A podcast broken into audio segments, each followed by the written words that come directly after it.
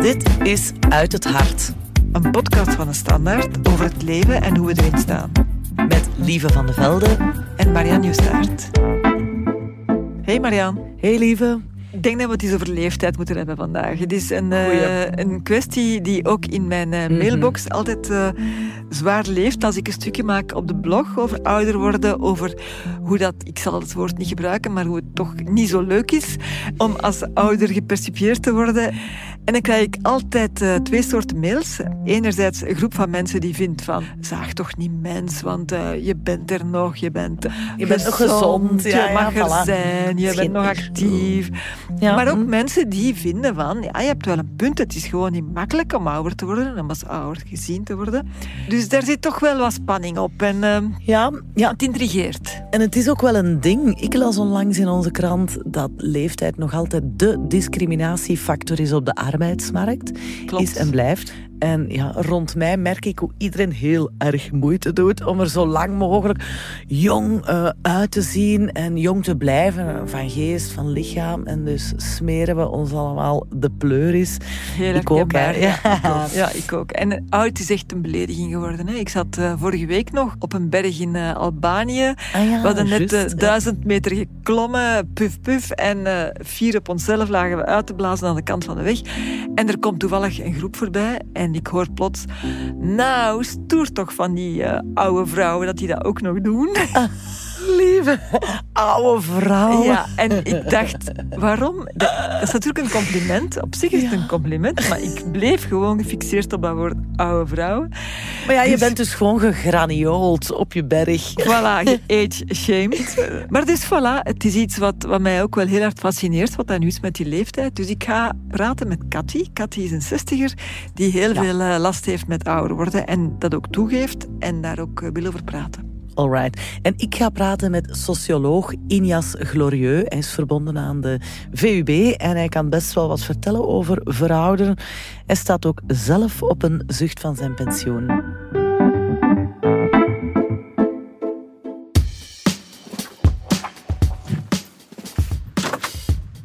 Dag professor, een kinderwagen ja, voor de deur. Kom maar binnen, zie. Dag Cathy. Als traditie hebben wij chocoladehartjes bij voor iedereen die in de podcast zit. Wow, Uit het hart. Ik ben Cathy en ik ben toch 68 geworden nu in maart. Ik ben Inias Glorieux. Ik ben 64 jaar geworden. Uh, sorry, ik ben 65 jaar geworden vorige maand. Dus uh, nog bijna twee maanden 65 jaar. Ja. Je zegt, ik ben 68 geworden met een beetje zo een aarzeling in je stem. Ja. Is dat moeilijk? Oh, dat is toch een uitdaging.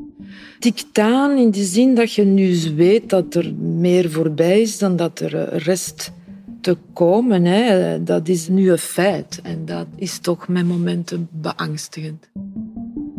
Je hebt ook bij ons in de krant uh, ja. vorig jaar getuigd. Uh, ik voel me nog altijd een rock-and-roll puber. Is dat een gevoel dat je nog eens kan uitleggen? Deels is dat rock and roll inderdaad, maar deels is dat ook rebel dat niet altijd behulpzaam is, omdat het uh, gepaard gaat met je verzetten ja, tegen de dingen die je feit zijn. En dat is dus ouder worden. Mm -hmm. Ik was altijd de jongste. Ik had drie oudere broers. Ik was de jongste op school, een jaar te vroeg. Het jeugdhuis, de thé dansance. Ik mocht daar niet binnen, ik moest buiten blijven ah, ja. staan. 16, 18. Allee, dus dat was altijd een, een, eeuwigheid en ik was de jongste. En ineens, en mijn moeder die ook zei, het gaat altijd maar rapper en rapper. En ik zeg, wat zegt hij niet toch? Het gaat gewoon verschrikkelijk traag. Twee maanden vakantie, verveel mij. En ineens ben ik 50. dat is echt, dat is Ja. echt. En ik geef een groot feest en ik krijg foto's van iemand. En ik zie een foto. En ik zeg, wat? Dat ben ik niet.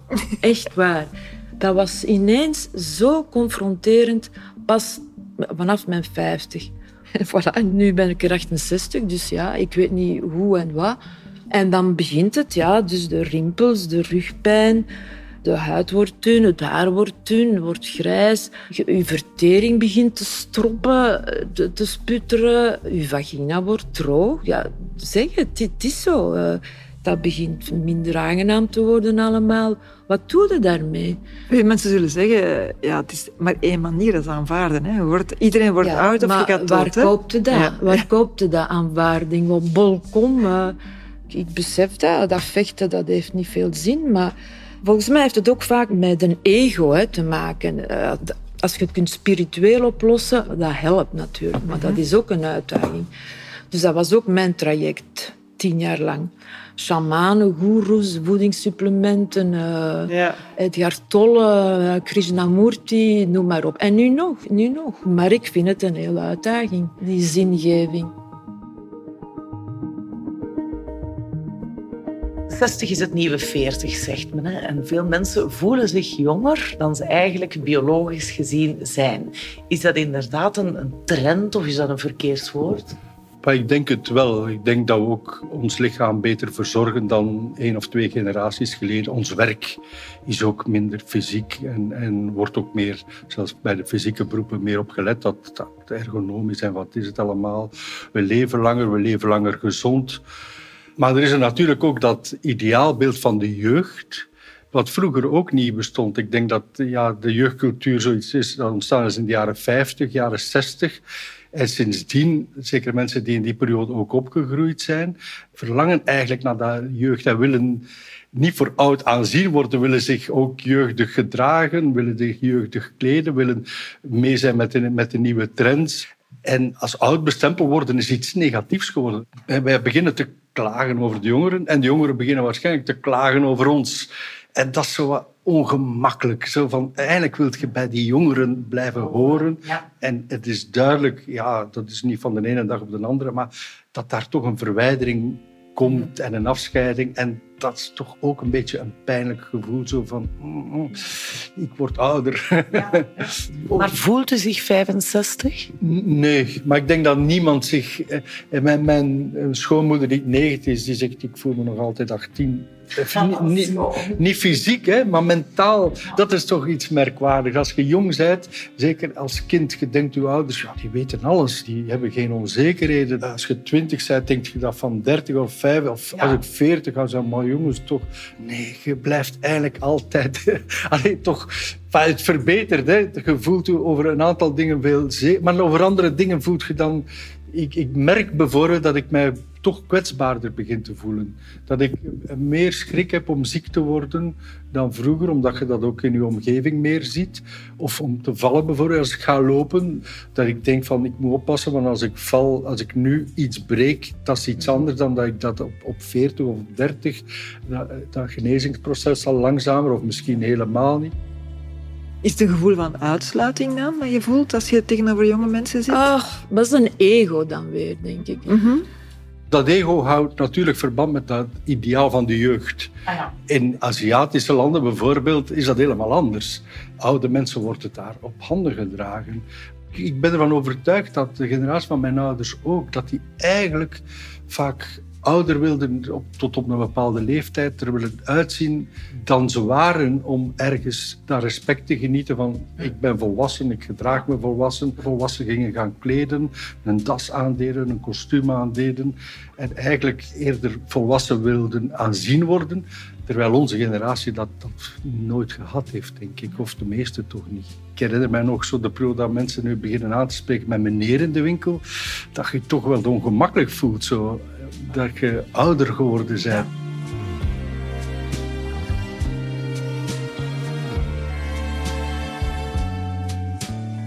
Als kind, hè, als je geboren wordt, in principe krijg je alle aandacht. Je wordt de best, je bent de schoonste, de slimste. Je wordt ook zo aangemoedigd de hele tijd. Van, zie eens wat jij kunt, jij kunt dat goed. Je bent het centrum, je bent belangrijk. En dat duurt zo'n tijd tot met je puberteit. En dan begint het zo een beetje de vragen te stellen. Ja, maar hè, wat en hoe en hoe moet het? En uh, wat doe ik hier en wat ga ik doen? Totdat je geconfronteerd wordt met uh, het stopt ook. Er is uh, ziekte, dood en er is oorlog. En het is allemaal niet zo plezant. En dan moet je dat kunnen ehm, invullen. En dan krijg je normaal kinderen en een gezin. Dat heb jij dan niet gedaan? Dat is aan mij voorbij gegaan. Ik had niet die roep. Hè. Ik had vriendinnen en die zelfs zonder man, die wouden absoluut een kind. Ik heb dat nooit gehad. Ik wou die verantwoordelijkheid precies ook niet, omdat ik zelf nog zo een kind was. Allee, een soort rebel. En dan ineens zijn de veertig en dan... Uh... Ja. Maar het verklaart misschien wel ook een en ander. Hè? Als je zegt van, uh, ik was altijd nog kind, ja, dan is het moeilijk om ineens een foto te zien van jezelf als 50-jarige. Ja, ja, maar ja, dat is, is dat een probleem? Uh... Is dat een probleem? Nee, dat is een vaststelling ook. Ja, hè? ja. ja. Natuurlijk een belangrijk iets met ouder worden is eigenlijk met de ouderrol niet van de ene dag op de andere, maar goed, je, hebt een periode gehad waar je heel actief met ouderschap bezig bent, met je kinderen, heel druk.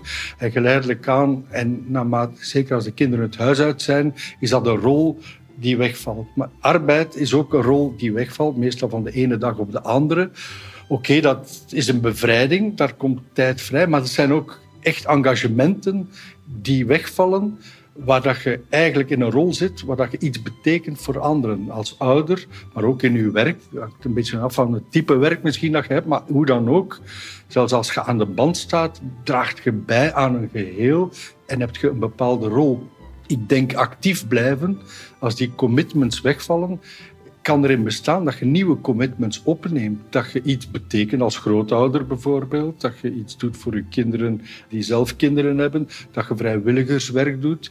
Dat niet vrijblijvend is. Niet als ik zin heb, ga ik een keer. Dat, nee, ik heb me geëngageerd om bijvoorbeeld te gaan voorlezen in de school of bij teleonthal of wat weet ik wat mensen allemaal kunnen doen. En dat dan ook doen en dat engagement nemen om bijvoorbeeld twee voormiddagen in de week en niet als ik er zin in heb. En ik denk dat ouderen die dat doen, dat dat voor een stuk blijvend zin heeft, eh, dat engagement. En ze op die manier ook jong houdt en, en eigenlijk ook in een rol terugzet waar dat duidelijk is dat ze niet afgeschreven zijn, dat ze nog iets, iets kunnen betekenen.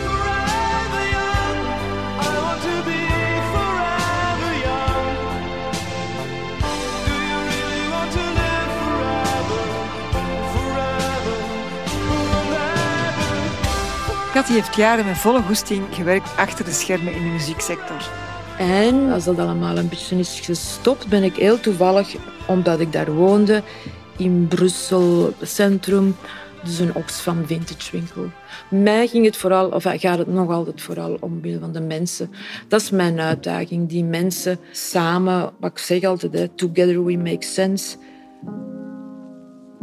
Maar als je nu zegt van leeftijd is voor mij een issue, ik wil niet ouder worden, heb je twee dingen. Je hebt enerzijds van ik ga korter naar de dood en die aftakeling schrikt me af, maar je hebt ook van ik zie er ouder uit dan dat ik mij voel. Wat is voor jou het, het zwaarst wegen? Oh, dat is een moeilijke. Want uiteindelijk, dood is dood. Hè. Het is de weg daar naartoe. En dat is belachelijk dat je daar last van hebt, want het is er niet. Dus ik zeg in mijn eigen ook, maar what a waste. Dat je een tijd eraan verliest. Ondertussen ja, profiteert. Maar bon, dat is sterker dan mijn eigen. Dus daar zit toch een diepe een soort angst van... Mm En een verlangen naar onsterfelijkheid eigenlijk. en zie mij graag. Ja. En, uh, dat is breder, hè? ik, mag ja, er, en ik mag er zijn. Ja, nee, nee, dat is... Uh, ik wil het niet ontkennen en, uh, en het is er. Dus hoe ga ik ermee om? En heb je daar antwoorden op gevonden? Dat het hoofd een grote vijand is. Ah ja, ja. het nadenken over. Ja, de, de gedachte. Mm -hmm. Maar bon, daarmee zijn we nog niet. Hè. En wat zit er dan in die gedachte? Wel ja, het, dat is naar de toekomst gaan. Hè. En ik ga dit en ik ga dat en ik ga, ik ga meer dit kunnen en dat kunnen. Mm -hmm.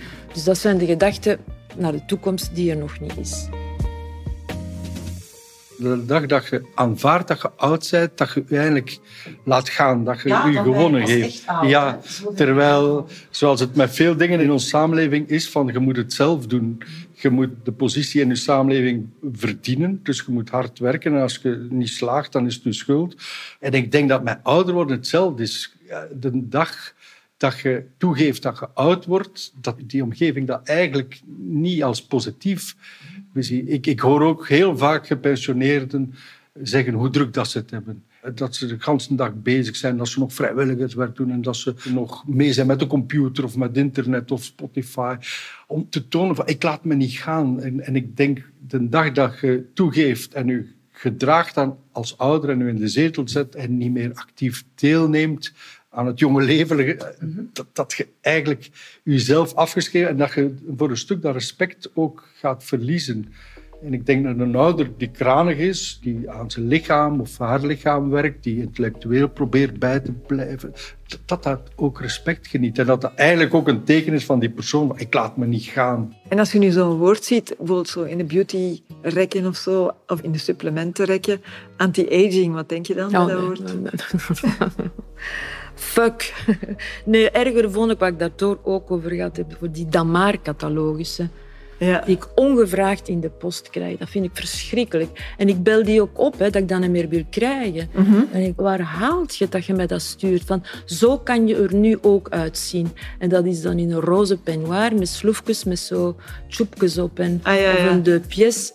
Nee, uh, wat is dat? Dat is ook een stuk van nog iets betekenen. En dan kan ik me zeer goed inbeelden als je oma bent, dat je iets betekent. hè, dat dat echt zinvol is. Maar dus, ik ben geen oma. Dus moet ik het anders invullen en, en zelf invullen.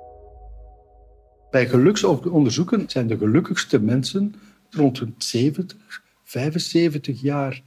Dan gaat het snel naar beneden. Wij zien het ook in onze tijdsbestedingsonderzoeken.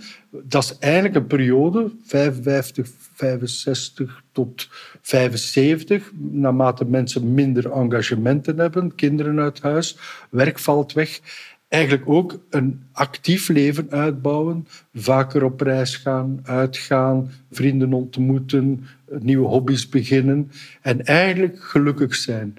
En dat gaat ja, een keer 75, dat is natuurlijk een getal, dat hangt af van de ene bij de andere, maar waarschijnlijk omwille van fysieke beperkingen, gezondheidsredenen, het wegvallen van de partner, wegvallen van vrienden, dat een keer boven de 75 snel, dan, dan ziet je die sociale wereld, van de wereld in het algemeen, heel snel krimpen. En dan treedt waarschijnlijk een periode aan die een stuk minder gelukkig is.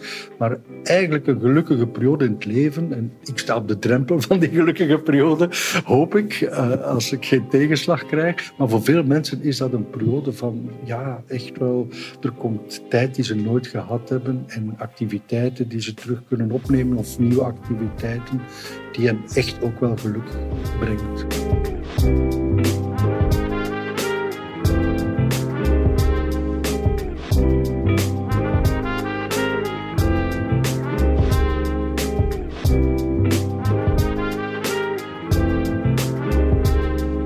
Is dat iets wat je in jouw omgeving herkent bij leeftijdsgenoten? Dat die ook zo een last hebben met aanvaarden van de eindigheid en leeftijd en sterfelijkheid? Ja, maar ik denk dat er veel dan niet luid op durven zeggen.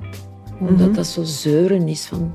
Je moet blij zijn dat je er nog bent en je hebt het goed en, en kijk op een ander en... Uh, je hebt een huis en je hebt een pensioen en je kunt toch zoveel vrijwilligerswerk doen en je nuttig maken. En kantje vrouw komt daar zeker ook bij. Ja, je bent een vrouw. Je, wilt er goed uitzien. Je wilt graag gezien worden. Ik vrees dat wij zijn zo hier in het Westen zo zijn opgegroeid ook. Hm? Ik denk dat er op dat vlak, zoals er nog op vele vlakken, een grote ongelijkheid is tussen mannen en vrouwen. Mannen hebben het op dat vlak veel gemakkelijker. Als wij een buikje krijgen, oh god, oké, zelf kunt je dan misschien zeggen, god, ik moet er toch een beetje aan werken. Maar uw omgeving gaat daar nauwelijks aandacht voor hebben.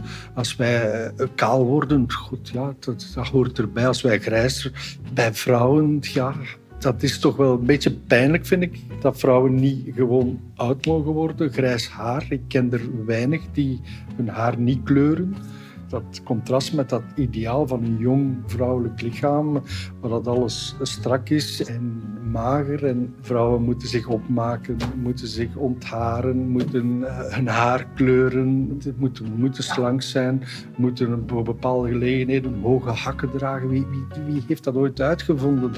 Het is toch niks gemakkelijks aan. Ik denk dat, dat het veel gemakkelijker is voor een man om waardig ouder te worden. Ga je ook lachen met dingen die je ouder maken? Oh ja, ja, ja, ja, ja, ja. ja dat is een eind in de 50 yoga.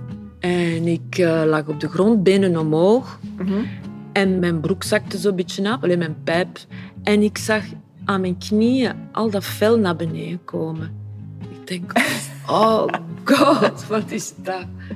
En ik schoot... Allee, ja, nee, ik denk niet dat ik in een lach geschoten ben, maar ik, allee, ja. maar ik moest er wel mee lachen. Maar dus dat is de zwaartekracht. Dat was de, dat was de eerste keer dat je dat zei. Dat ja, dat zijn zo'n dingen die ineens opvallen. Ja, dat is raar. Hè? Of, of ben ik nu zo... Wou ik dat allemaal niet, niet zien of zo? Want mijn man zegt dat ook soms. Maar allee, je toch een spiegel? eh. Ik denk, ja, nee. Ik denk dat dat, dat, dat meer ontkenning is van... eh, maar er zijn momenten, er komt een moment dat je het niet meer kunt ontkennen. Ja. Ja. En wat zegt eh, jouw man dan? Ik heb de chance en ik, soms snap ik het niet. Ik denk dat, dat, dat hij mij nog graag, allez, niet graag ziet, maar dat hij mij nog. Enfin, is het knap? Zegt hij, gebruikt hij het woord knap? Enfin, ik voel mij toch nog gelukkig. Want stel dat, dat je man ook zegt, ja, zeg, dat liedje van uh, Aznavour, die van, dan zegt hij, tu te laisses aller. peux t'avouer que j'en ai marre de toi. Tu te laisses aller, tu te laisses aller. Arrange tes cheveux, uh, tu te laisses Ah ja, aller. oh la la la la, dan denk ik, ja, ja, dat is herkenbaar. En ja, je kunt het ook nog erger laten, laten worden. Ja. En doe je nog dingen om het tegen te werken? Doe je ja, Fysiek. sport en fysiek? En ja. Ik heb mijn enkel gebroken, ik kan niet meer lopen. Dus nee, al wat zachte sport, ja. Dus zo Gaichong een beetje en eh, Tai Chi, maar dat valt ik tegen, want dat is niet zo eenvoudig. Maar zachte sport, Ah ja, ook niet echt voor je conditie. Nee, nee, eerlijk gezegd te lui voor. Die discipline is er niet. Nee, mijn glas wijn en mijn sigaret ook nog. Dus, eh, Ah ja, Maar dat is nog zoiets, hè. je kunt daar niet meer tegen. Hè. Eh, alcohol. Je bent rapper zat en, en Ja. je hebt een kater hè, van, van je glas. Je recupereert ook niet meer. Er zijn ook dingen die beter gaan. Hè. Eerlijk gezegd, er zijn ook dingen gerelativeerd meer. Je bent rustiger. Je beseft ook, god, eh, al die drukte voor wat en voor wie. Dus er zijn dingen mentaal die ook beter gaan. Maar voor mij is het toch vooral, en ik denk dat dat universeel is, toch wel op een bepaald moment het besef dat komt dat, ja goed, je ziet je ouders. Ik ben, ben onlangs mijn moeder verloren. 93 jaar, dan beseft je, oké, goed, binnen minder dan 30 jaar zit ik daar misschien ook in een woonzorgcentrum af te takelen. Je ziet die mensjes in dat woonzorgcentrum eh, waar goed voor gezorgd wordt. Maar goed, dat is, ik zie mijn schoonmoeder die 90 jaar is. Dat is geen prettig vooruitzicht. Oké, 30 jaar is nog lang. Ja, maar als je 65 jaar zit, is 25 jaar niet lang meer. Hè. En, en bovendien hoort je ook heel veel oude mensen vandaag die eigenlijk niet zo oud willen worden. Wil ik 90 jaar worden? Misschien zou ik al blij zijn dat ik gezond 80, 85 en dan mag het stoppen, want er, is, er komt niet veel meer achter.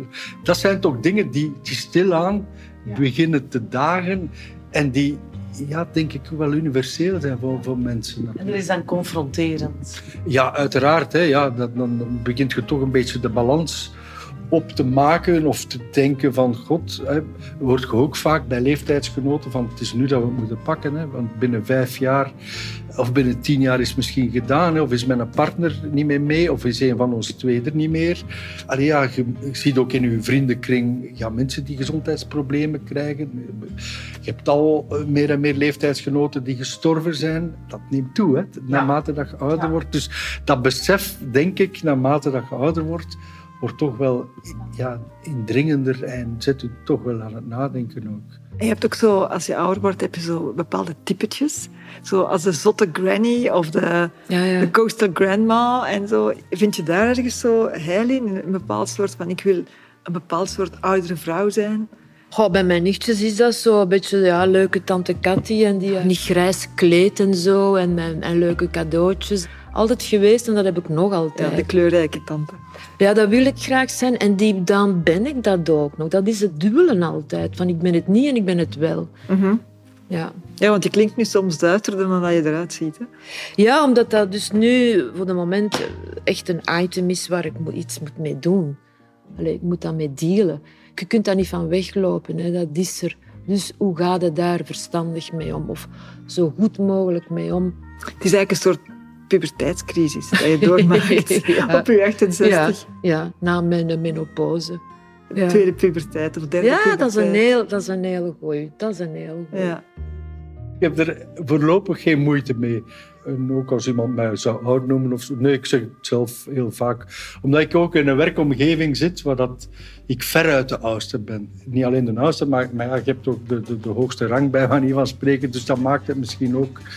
Ik weet het niet. Maar ik heb nooit dat, dat gevoel gehad eigenlijk. Nee. Maar niet versleten. nee. De beste is yet to come. Ja, zeker.